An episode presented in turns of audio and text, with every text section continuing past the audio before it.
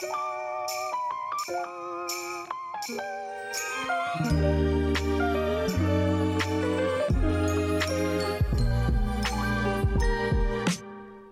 bij Rumbo Norte, de podcast die je wegwijs maakt als je het noorden wat kwijt bent en je begeleidt in je innerlijke reis naar persoonlijke groei. Ik ben Michelle Pus van Thrive Coaching en als selfcare, stress en burn-out coach leer ik je te ontdekken hoe je veerkrachtig door het leven kan gaan. Ik nodig je uit op een avontuur waar zelfzorg, zelfliefde en zelfleiderschap jouw ankerpunten zijn. Dus, als jij nood hebt aan dat duwtje in de rug dat je voedt met moed, tonnen positiviteit en zelfvertrouwen, dan ben je hier op het juiste adres. Sta open voor nieuwe inzichten, zelfreflectie en aha-momentjes terwijl je luistert naar Rumbo Norte.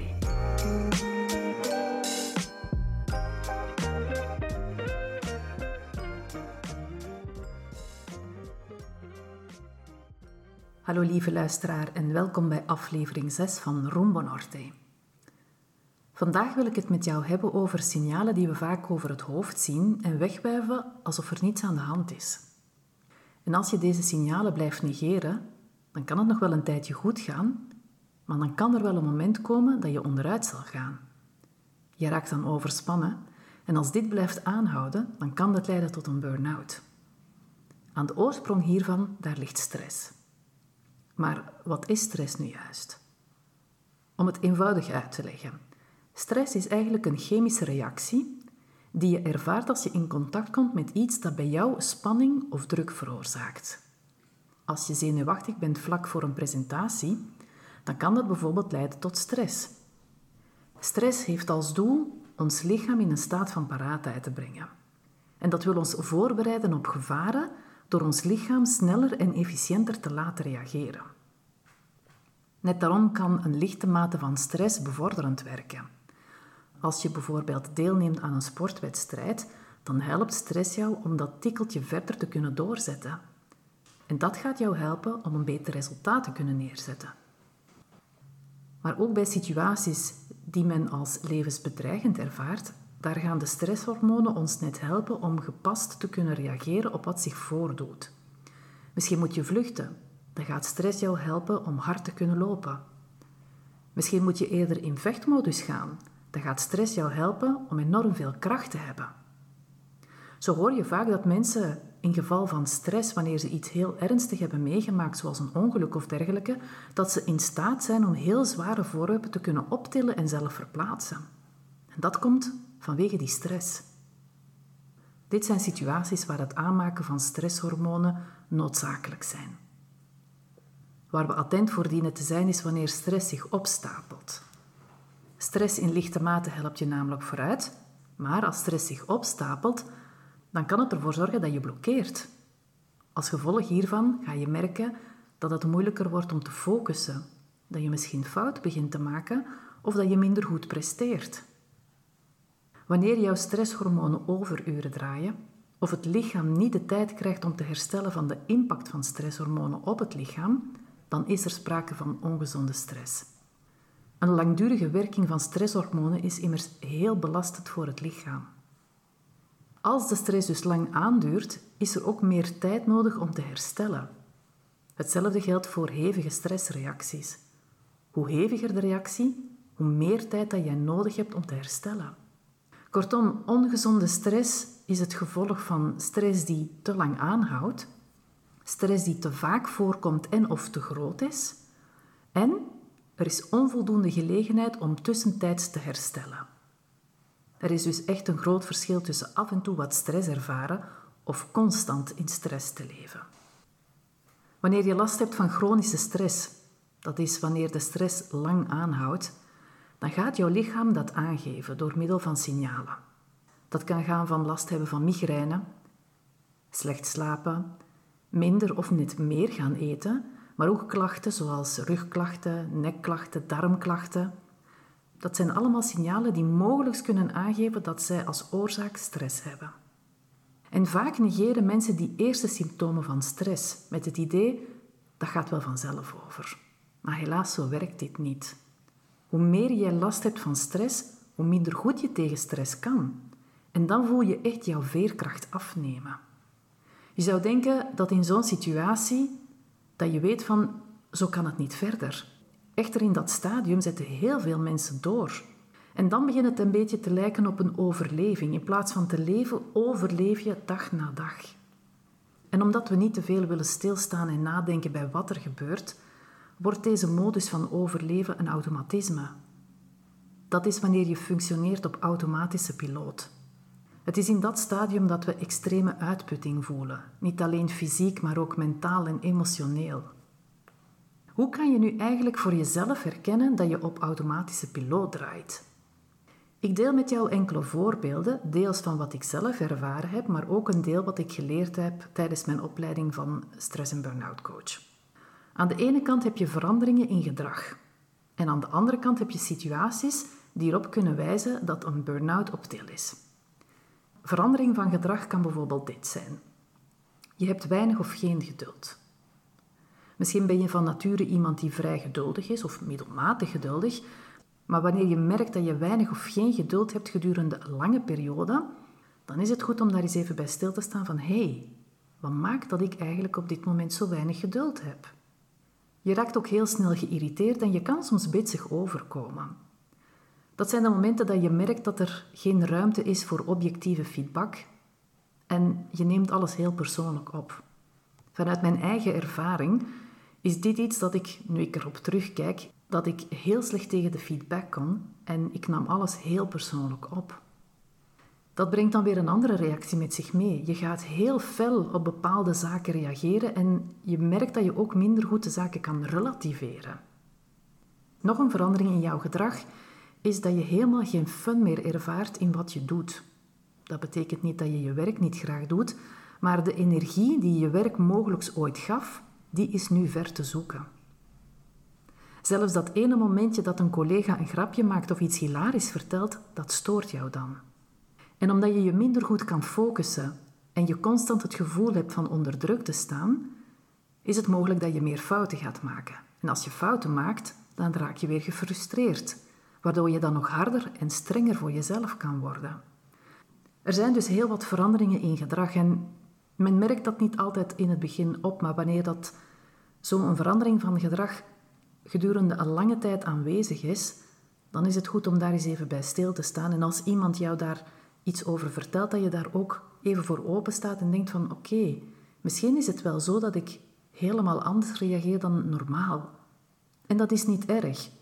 Dat geeft jou op dat moment de gelegenheid om in stil te staan en te durven verder kijken wat er hier aan de hand is. Andere zaken die je ook vaak merkt wanneer dat iemand op automatische piloot draait, is dat die persoon het altijd heel druk heeft. En die is zo druk bezig met zijn of haar werk dat hij soms vergeet te eten. Of, en dat gebeurt ook, dat je voelt dat je geen tijd hebt om te eten. En dit zijn de momenten waar je merkt dat je gewoon achter je werkplek jouw middageten gaat opeten. Je neemt zelf geen pauze.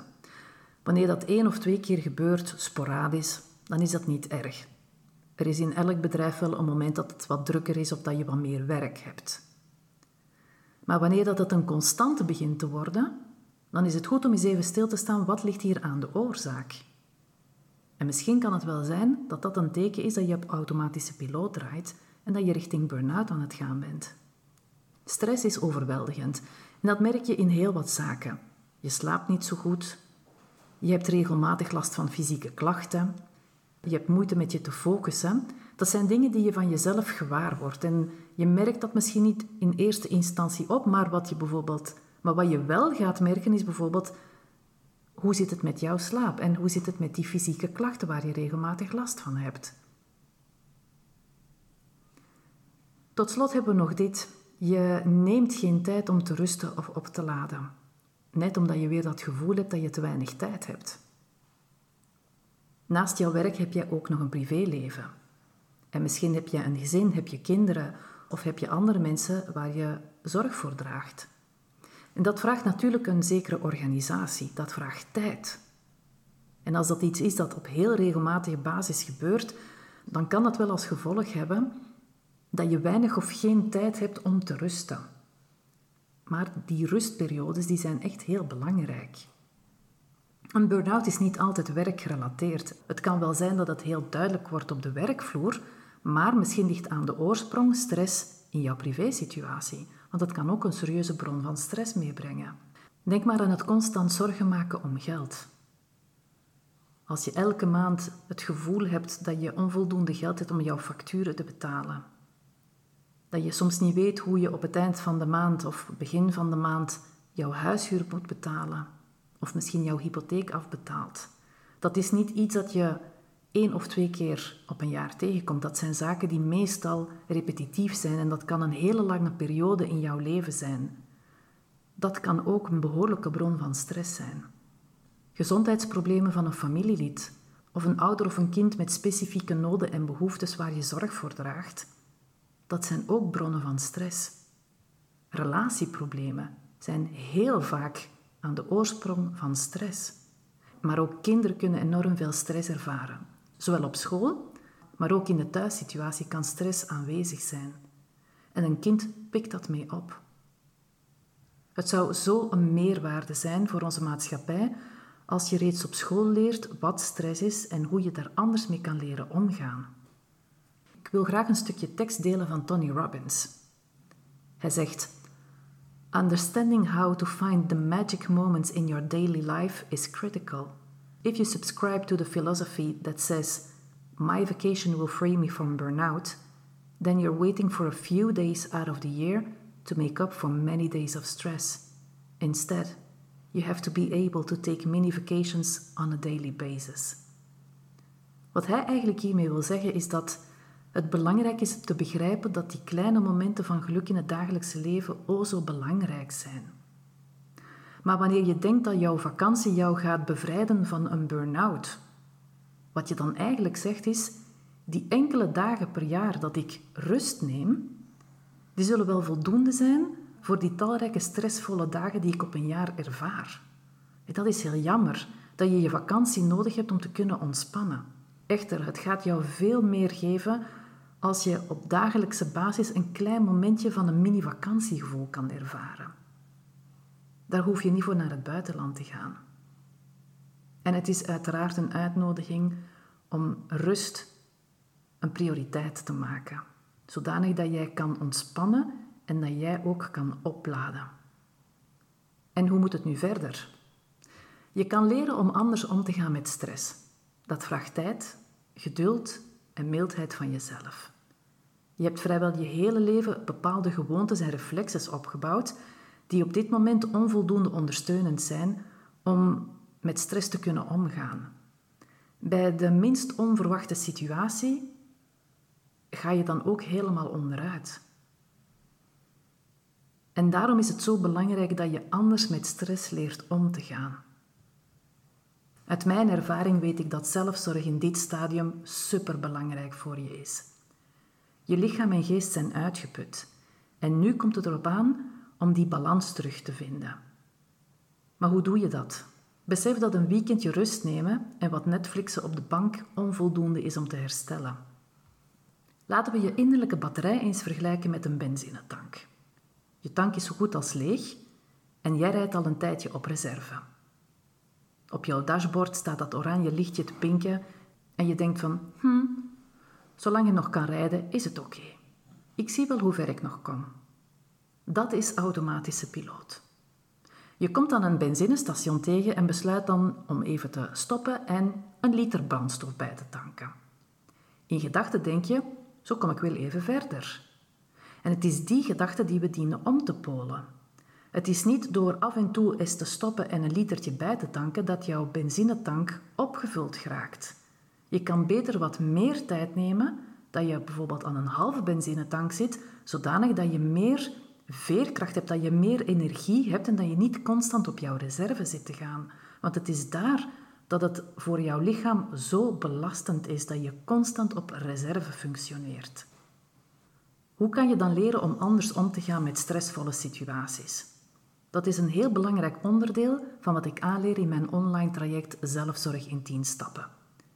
Deze start in november 2021. En als je graag wil weten wat dit traject inhoudt, schrijf je dan in op de wachtlijst. Dan krijg je als eerste alle informatie over dit traject en geniet je ook over een mooie vroegboekkorting. Hoe in te schrijven? Heel eenvoudig.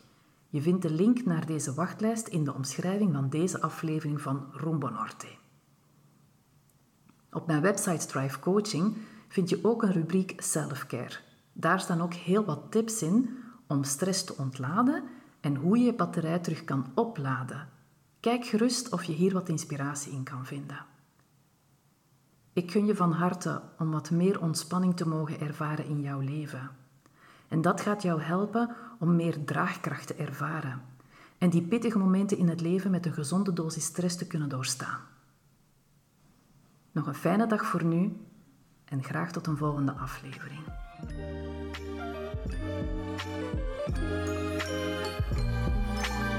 Super tof dat je luisterde naar deze aflevering van Rombo Norte. Dank je wel. Werd je geïnspireerd door deze aflevering? Of ken je iemand die ook interesse heeft in persoonlijke ontwikkeling op een down-to-earth manier? Het delen mag altijd. Laat een beoordeling of review achter op de app waarmee je naar deze podcast luistert, bijvoorbeeld iTunes. Het achterlaten van een review is heel eenvoudig. Scroll naar beoordeling en recensie en laat een beoordeling achter of vertel anderen waarom jij deze podcast leuk vindt. Zo maak je het mogelijk dat anderen de weg naar deze podcast ook zullen vinden. En wil je graag weten wanneer er een nieuwe aflevering van Rombo Norte beschikbaar is?